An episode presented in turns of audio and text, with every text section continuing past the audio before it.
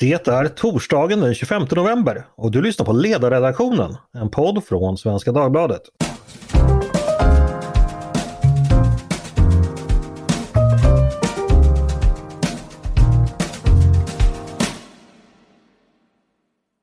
Varmt välkomna till oss på Ledarredaktionen. Jag heter Andreas Eriksson. Idag ska vi förstås prata om den minst sagt hektiska händelseutvecklingen i svensk politik. Igår valdes ju Magdalena Andersson till statsminister. Men efter att ha fått se sin budget nedröstad och sin koalitionspartner försvunnen valde hon efter sju timmar att avgå.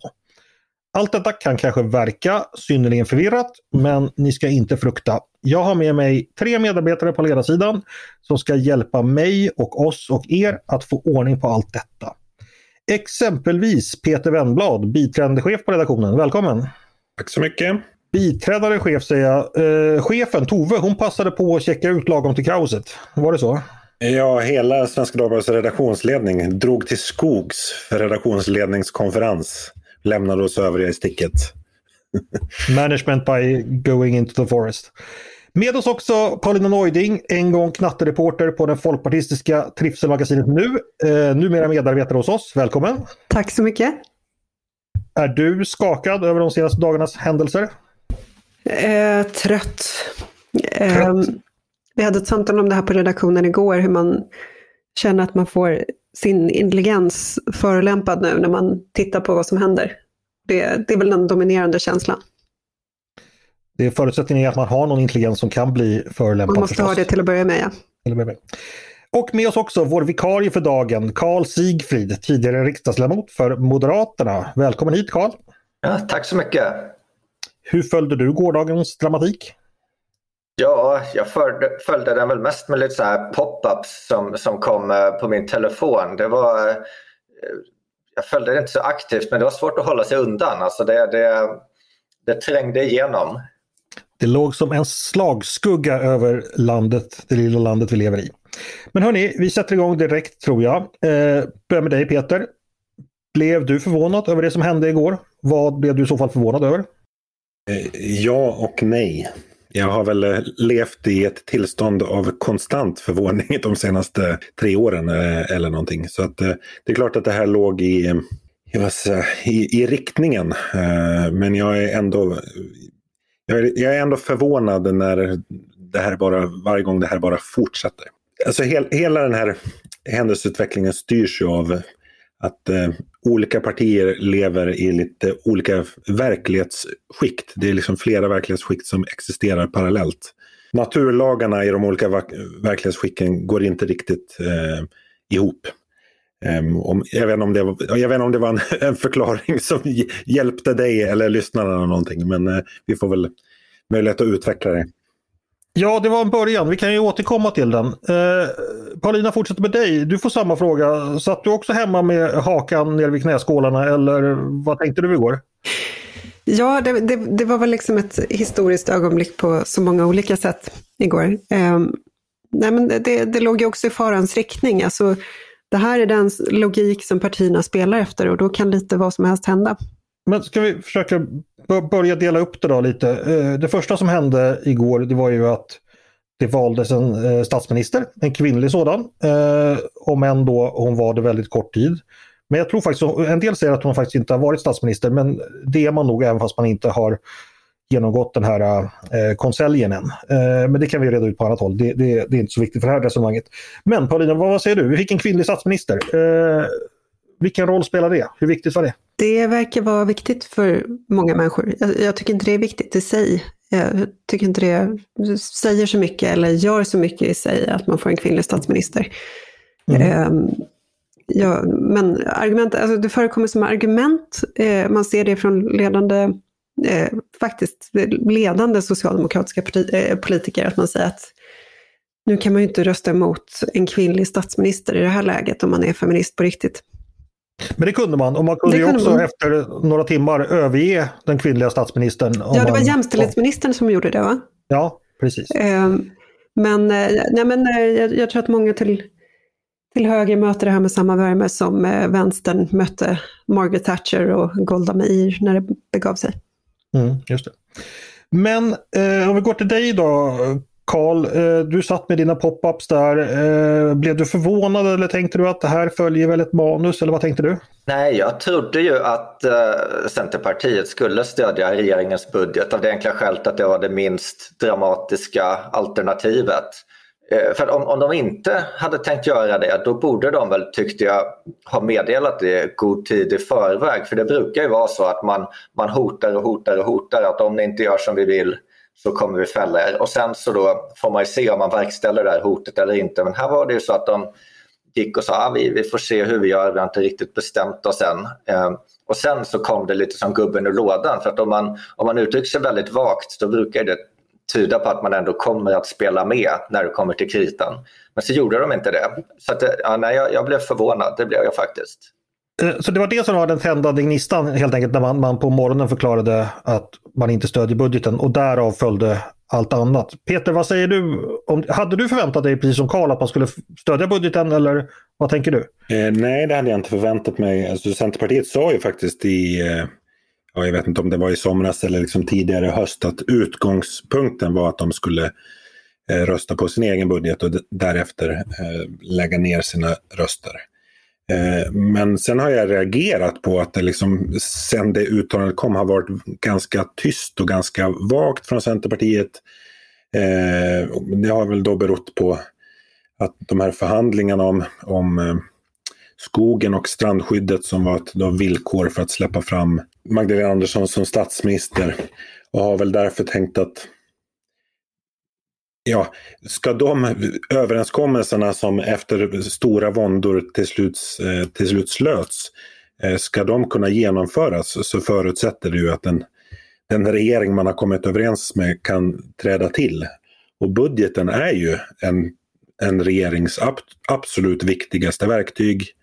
Och en, det är liksom kutym att får man inte igenom sin budget så lämnar man regeringen därför att man kan inte ta, mm. ta ansvar för någon annans politik. Men Stefan Löfven har ju tidigare regerat med annans budget. Visserligen då så tillträdde han efter att den budgeten hade Ja, men precis. Men Stefan Löfvens hållning var ju under sommaren att han in, alltså, om Stefan Löfven inte hade avgått så hade han ju avgått nu. Det var ju hans hållning under regeringskrisen i, i somras. Att får jag inte igenom en budget då sitter jag inte kvar. Så att på så sätt har ju Magdalena Andersson en, vad säger, bytt eh, hållning. Bytt socialdemokratisk hållning ska man säga. Nej men då tänker jag så här, vad visste Magdalena, vilken utgångsposition hade Magdalena Andersson i det här i, i, i morse? För att hade inte hon kunnat räkna ut att risken är ganska stor att Centerpartiet eh, kommer rösta på sin egen budget, att vi inte kommer få igenom vår budget och då kommer vår koalitionspartner att falla bort och då kommer jag behöva avgå. Hade inte Magdalena Andersson kunnat göra den sannolikt kalkylen innan? Vad tänker du Peter? Jo, det hade de eh, kunnat göra. Men eh, Centerpartiet har ju inte velat ge besked om hur de skulle göra med budgeten. Utan det beskedet kom ju väldigt sent och då var ju vad säger, Magdalena Andersson ställd inför fullbordet. Det, det, det beskedet kom ju efter att talmannen hade bestämt att eh, föreslå henne som, som statsminister. Eh, så att då, tåget var ju i rullning. Eh, så att hon fick ju köra in det till stationen och kliva av. Men, men hon, hon tackar ändå ja till uppdraget utan att ha ett budgetunderlag i riksdagen. Vi ska bara prata just om det här hur det brukar gå till när budgetar går igenom. Jag tänker vända mig till dig Karl. Du har ju själv suttit i riksdagen i två mandatperioder. Varit med om både statsministeromröstningar och budgetomröstningar. Igår valde ju C att när det egna förslaget fallit så stödde man inte något annat. Eh, de har fått kritik från vänster för att då kallas det för att man släppte fram en annan budget. I det här fallet var det särskilt dumt eftersom det var en SD-budget. Kan, kan, du bara kort redogöra för hur brukar det här med budgetomröstningar gå till på din tid, på den gamla goda tiden så att säga?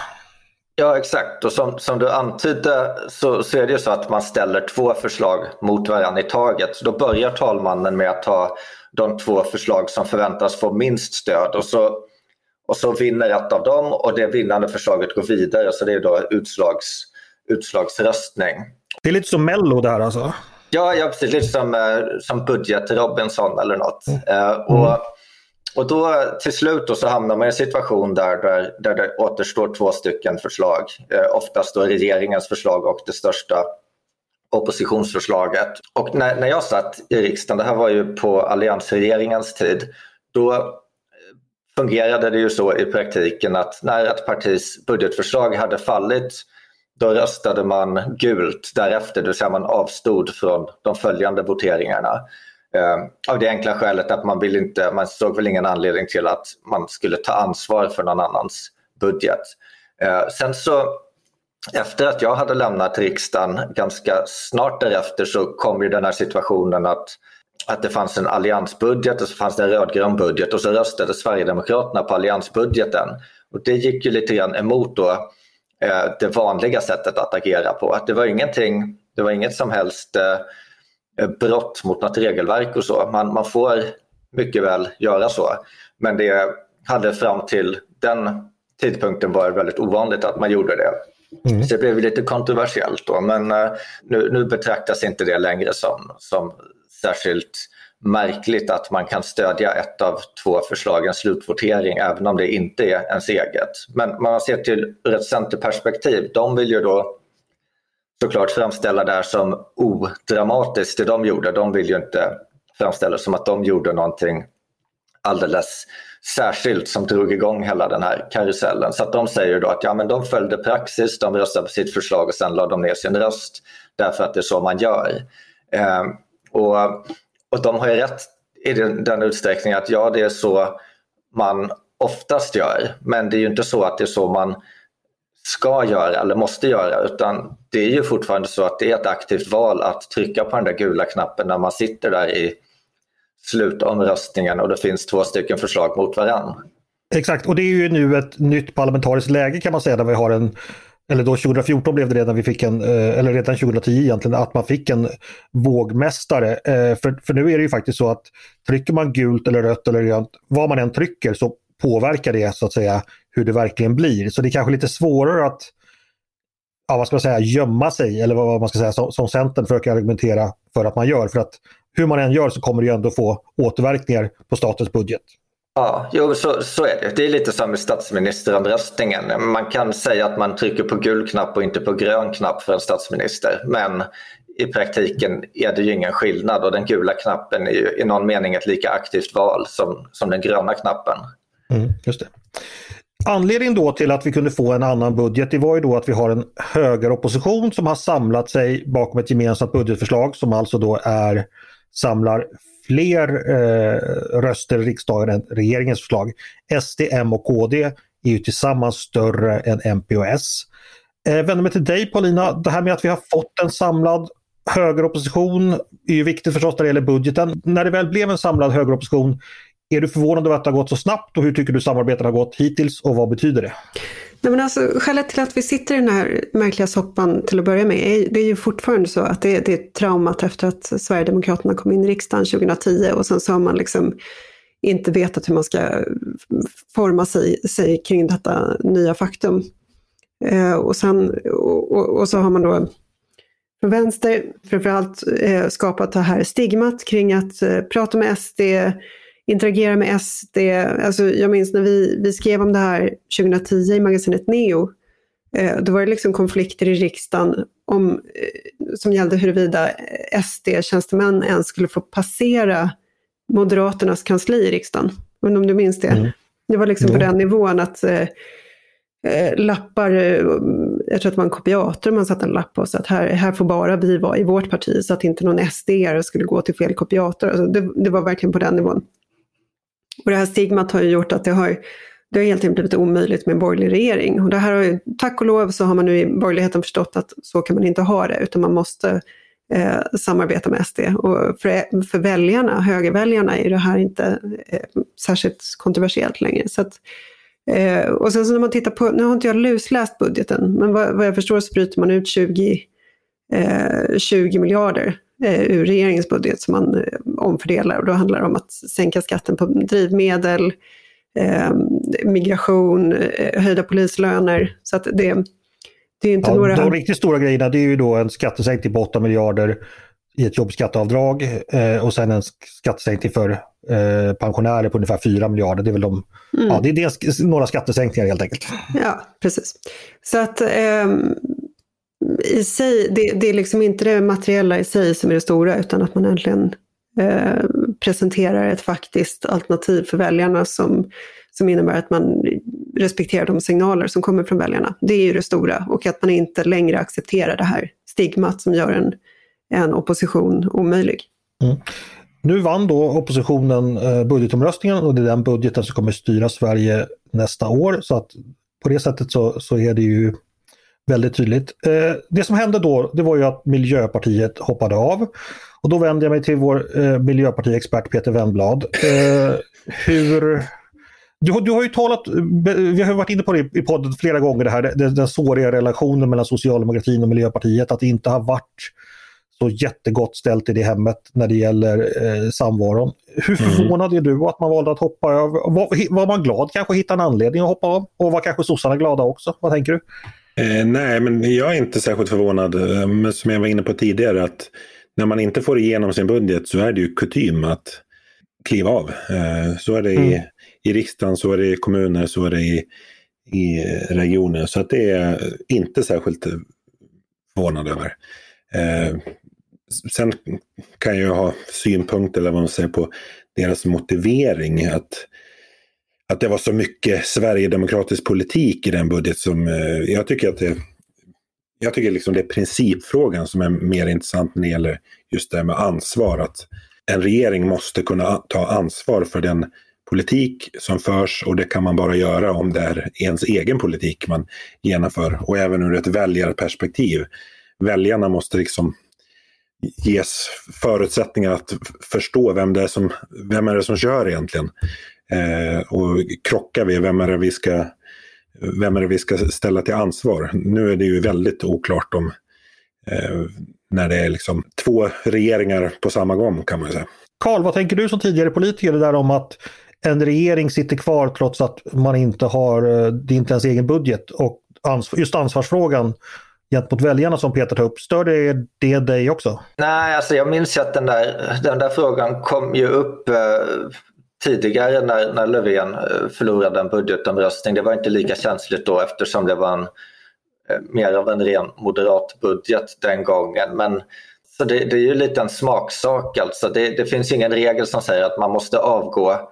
Eller om man går tillbaka till valet eh, 98 när, när då eh, Carl Bildt hävdade att nu måste regeringen avgå för att de har tappat ett antal mandat. Mm. Så det, ja, nej, jag, jag, tycker väl egentligen att det är de hårda reglerna som är det viktiga. Eh, sen så det som är praxis, det, det kan ju vara så att det är praxis därför att det fyller en funktion men det kan också vara så att det är praxis bara därför att folk brukar göra på ett visst sätt av praktiska skäl. Men sen så kan de praktiska skälen kanske se annorlunda ut i, i ett nytt fall och då är det inte säkert alltid att den där praxisen är, är relevant. Ur ett strikt socialdemokratiskt perspektiv så så eh, kan det ju faktiskt vara så att Magdalena Andersson eh, bedömer att, att oppositionens budget är, är bättre än den som eh, hon själv tvingades kompromissa fram med, med Miljöpartiet. Mm. Ja, det är förstås inte omöjligt. Eh, tänkte fortsätta prata budget eh, åter till dig Karl. Du har ju erfarenhet från åren 2006 till 2014. Den här SD-budgeten då som det refererades till från Miljöpartiet. Hur mycket SD ska du, skulle du säga att det är i den och hur mycket är det en vanlig moderat eller vanlig borgerlig budget? Ja, om man skulle betrakta det som en moderat budget så är det ju en ganska typisk moderat budget. Det är jobbskattavdrag och det är fokus på polisen. Så det, jag, jag, tycker inte att den sticker ut på något sätt. Annars det som skiljer Sverigedemokraterna framförallt från Moderaterna och de andra borgerliga partierna det är att SD är ju mer positiva till att man ska ha högre ersättningar i, i a-kassan och, och, olika typer av sådana ersättningssystem. Och det man möjligen kan plocka ut här då som, som kanske går i den linjen det är ju då att man, man har de här sänkta eh, skatterna på pensioner och, och man har bostadstillägg och, och så vidare. Och där, det kan man ju tänka sig gå lite mer i linje med eh, Sverigedemokraternas prioriteringar. Det hade inte riktigt gått i linje med Anders Borgs arbetslinje som ju alltid handlade om att sänkta skatter ska vara sänkta skatter på, på just arbete och inte på olika former av eh, ersättningsinkomster. Eh, men, men å andra sidan så har ju Moderaterna väl gått lite fram och tillbaka där också, är väl inte helt främmande för att sänka skatt även på pensioner. Så jag, jag skulle säga så här, om, om någon hade hävdat att det här var en ren moderat budget så hade det ju inte funnits några uppenbara skäl att inte tro på det. Nej, det, det är inte så att det stinker uh, Ungern eller Nürnberglagar om den direkt. Nej, nej inte, inte vad jag har sett. Nej. Uh, tänkte fortsätta lite med uh, dig Peter. Eller fråga till er alla egentligen. Blir Magdalena Andersson statsminister igen? Eller är det någon som tror att det blir någon ytterligare dramatik kring det? Då får ni ropa till nu. Hon blir statsminister. Hon blir statsminister igen. Då Peter, då ska hon alltså regera med en annan budget som hon kanske, ja vi kan ju spekulera, hon kanske tycker den är bättre rent av. Eh, men hur är det liksom mer ja, politiskt och väljarmässigt? Hur, hur påverkar det hennes tid som statsminister att ha en annan budget? Min bedömning är inte så mycket. Det är en kort tid fram till valet. Eh, som jag har varit inne på, det här är ju liksom en budgetreservation som skruvar liksom på marginalen eh, några miljarder på en budget som totalt sett omfattar eh, var det, 1200 miljarder eh, mm. nästan. Eh, och regeringsmakten innebär ju så mycket annat också. Alltså det är ja men, utnämningsmakten, föreskrifterna, regleringsbreven, eh, allt det där. Så att jag tror inte att det kommer göra, betyda så värst mycket. Man skulle kunna tänka sig att säga, ja, kan Magdalena Andersson nu liksom ta chansen när hon har kastats av sig det miljöpartistiska oket att en renodlad socialdemokratisk regering kan eh, få igenom reformer genom att vara mer rörliga, men det är för kort tid. Alltså det, de, de hinner inte initiera någon större reform. Alltså tiden från vad säger, ax till limpa för, för större reformer är ju, är ju i regel nästan en hel mandatperiod. Mm. Kan det här till och med vara, vara, bra för Magdalena Andersson om hon ska praktisera den kära socialdemokratiska konsten att vara i opposition mot sig själv? Att om det händer Precis. lite dumma saker under 2022 kan hon säga ja, men vi har ju en borgerlig budget så det är inte så konstigt men jag gör vad jag kan. Alltså ur, ur det strikta perspektivet ja, så tror jag inte, vad ska jag säga, det partitaktiska eller varulvstaktiska tror jag inte att hon tycker att det här är jättejobbigt. Sen är en mening kommer väl, sen tror jag att Socialdemokraterna nu kommer fatta beslut om slutfört för eh, använt kärnbränsle i alla fall. Så att den surdegen kan eh, nu slängas in i ugnen. Mm. Och det är ju inte oviktigt för Socialdemokraterna. Absolut inte. Det har ju varit en... Jag tror att det, det finns ju en del sådana där plågsamma frågor som skulle kunna lösas ut. Alltså vi har slutfört av använt eh, kärnbränsle. Vi har några, några gruvärenden som ligger på regeringens bord och har gjort det eh, i Kallakgruvan. Så att en del sådana där alltså, rena regeringsärenden som inte är liksom propositioner eh, mm. som inte har kunnat lösas ut för att Miljöpartiet och, och S inte har kunnat komma överens. Det finns en liten lucka, ett fönster att eh, lösa ut dem. Paulina? Ja. Ja, men det här det illustrerar ju det här demokratiska problemet med den situation vi befinner oss i. Att det är väldigt svårt. Det är lätt för politiker att säga men det var inte vår budget eller det är vår budget men det är inte vi som är regering. Och för väljarna blir det väldigt svårt att utkräva ansvar för den politik som faktiskt förs. Så det är ytterligare en twist på temat. Eh, det här är, är liksom demokratiskt problematiskt, det som händer nu. Demokratiskt problematiskt, säger Paulina. Jag tänkte fortsätta med dig Paulina. Eh, alla har ju pratat ganska mycket om Centerpartiet de senaste dagarna. Mm. Att de är så knepiga och så knäppiga och ingen begriper vad de håller på med och de förstör allt för alla. eh, ja, håller du med? Jag håller med om att de inte agerar som de borde. Ja, det, det har ju varit ett mem de senaste, sen igår, jag tror att det var Martin Ådahl som, som sa att alla begriper att någonting, vi gjorde det enda man kunde göra och, och liksom folk svarade att nej, vi begriper verkligen genuint ingenting av, av vad ni gör. Eh, men jag tror att alltså vad jag ser och de signaler man får från centern, från, inifrån Centern är ju att i ledningen där så är man verkligen besjälade av den här idén om att Centerpartiet står som någon slags eh, vall mot fascismen. Mm. Och eh, den, den, enda garanten för, eller liksom garanten för svensk demokratis överlevnad för att vi inte ska bli som Ungern eller Polen eller någonting, eh, mm. någonting annat. Eh, man tror verkligen på det här. Det, det, finns någon slags messiansk uppfattning om eh, vad Centerpartiet är och vilken roll man har att spela. Men om man verkligen tror så, då agerar man väl ändå logiskt? Utifrån det? Frågan är väl om man gör ens det. Alltså, eftersom man undergräver människors förtroende för hela systemet så, så tycker inte jag att man gör det. Eh, man bidrar till ett kaos som i sig är liksom en instabilitet som är farlig i sig och som faktiskt kan bana väg för eh, otäcka rörelser. Alla vägar bär till Budapest? Någonting sånt. Eh, ja. Nej men eh, på allvar otäcka rörelser. Eh, mm. men, men så långt verkar man inte tänka inom Centerpartiet överhuvudtaget.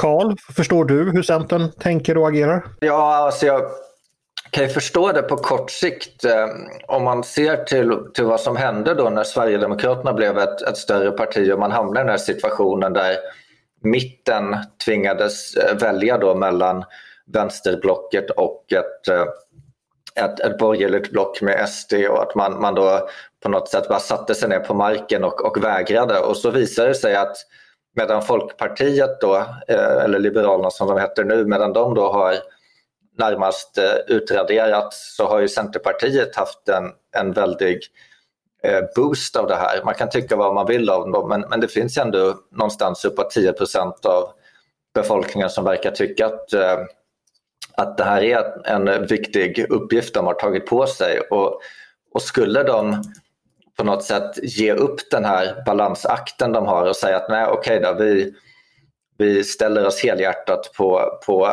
som en del av det rödgröna blocket eller okej, okay, vi accepterar att Sverigedemokraterna måste få vara med och bestämma. Då, då tappar de ju en stor del av, av de väljarna. Man kan tycka vad, vad man vill om strategin men, men uppenbarligen finns det ju någon slags stöd för den där ute bland en grupp som är tillräckligt stor för att den ska vara värd att, att försöka hålla fast vid.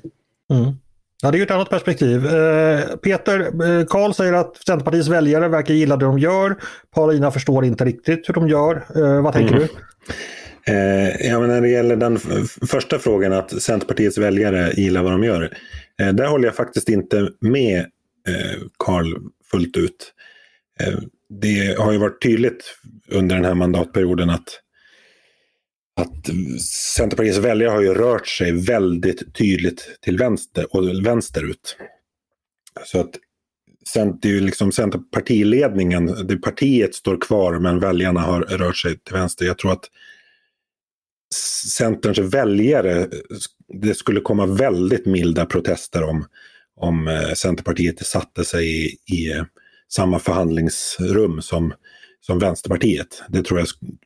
Så att jag är förvånad att Centerpartiet inte har rivit det plåstret. För att jag tror att för, förutom liksom att vi och andra som hellre ser en annan regering skulle eh, häckla dem i ett antal veckor. Så, eh, men det har vi ju ändå, har vi ändå gjort i flera år så att det blir ju ingen förändring på det sättet. Så tror jag att väljarpriset skulle vara väldigt lågt för att eh, göra det.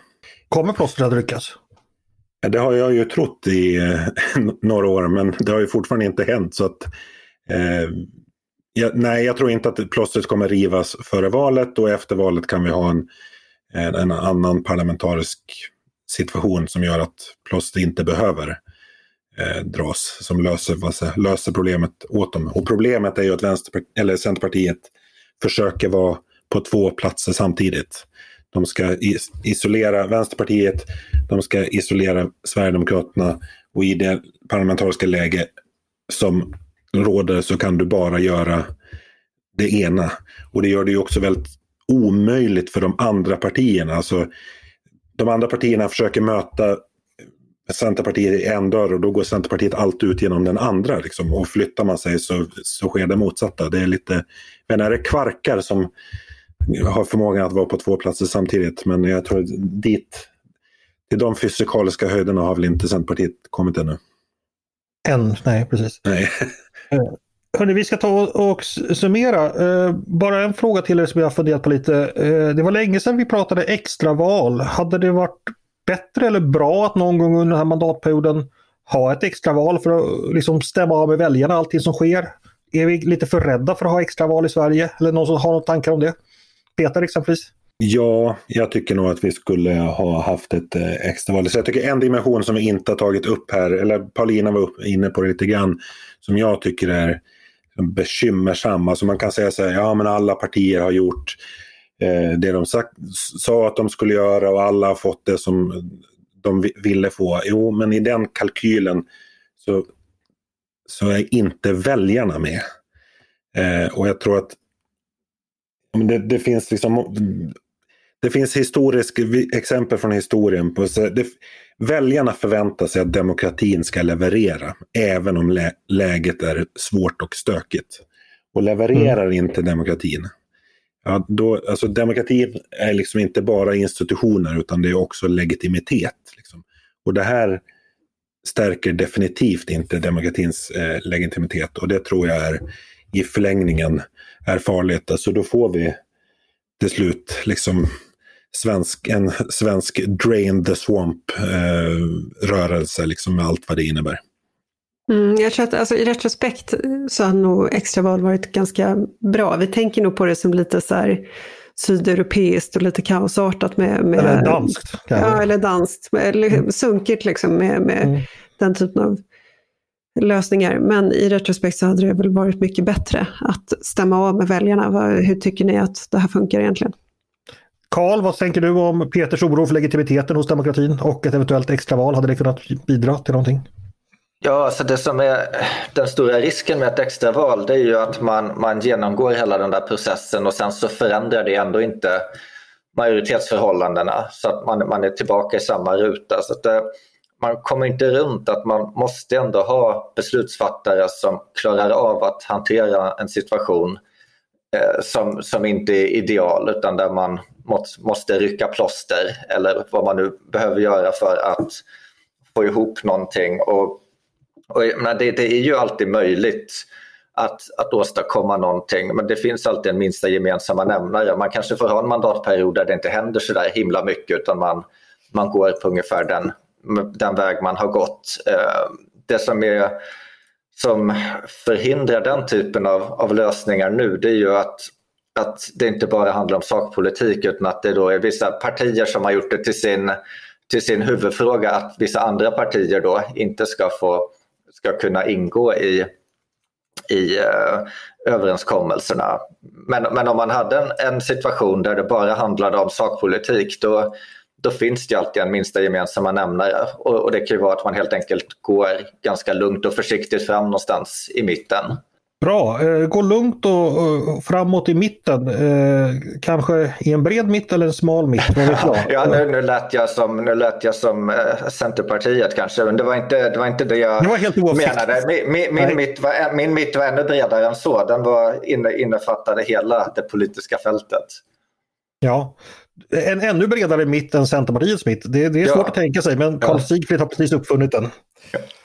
Eh, hörni, vad bra. Eh, jag tycker vi har kommit ganska långt med att reda ut det här. Jag är imponerad av er. Alltså, det här var ju inte så kaosartat och rörigt när man egentligen när man, när man stoppar, skar upp det i små, små bitar och lyfte upp och tittade på saker och ting så tycker jag vi har fått, fått ordning på det här. Tycker inte, lite ordning i alla fall. Känns det inte bättre? Alltså ordningen här är ju bättre än den i riksdagen, så är det ju. Ja. Eh, Peter, du, känner du dig lättad?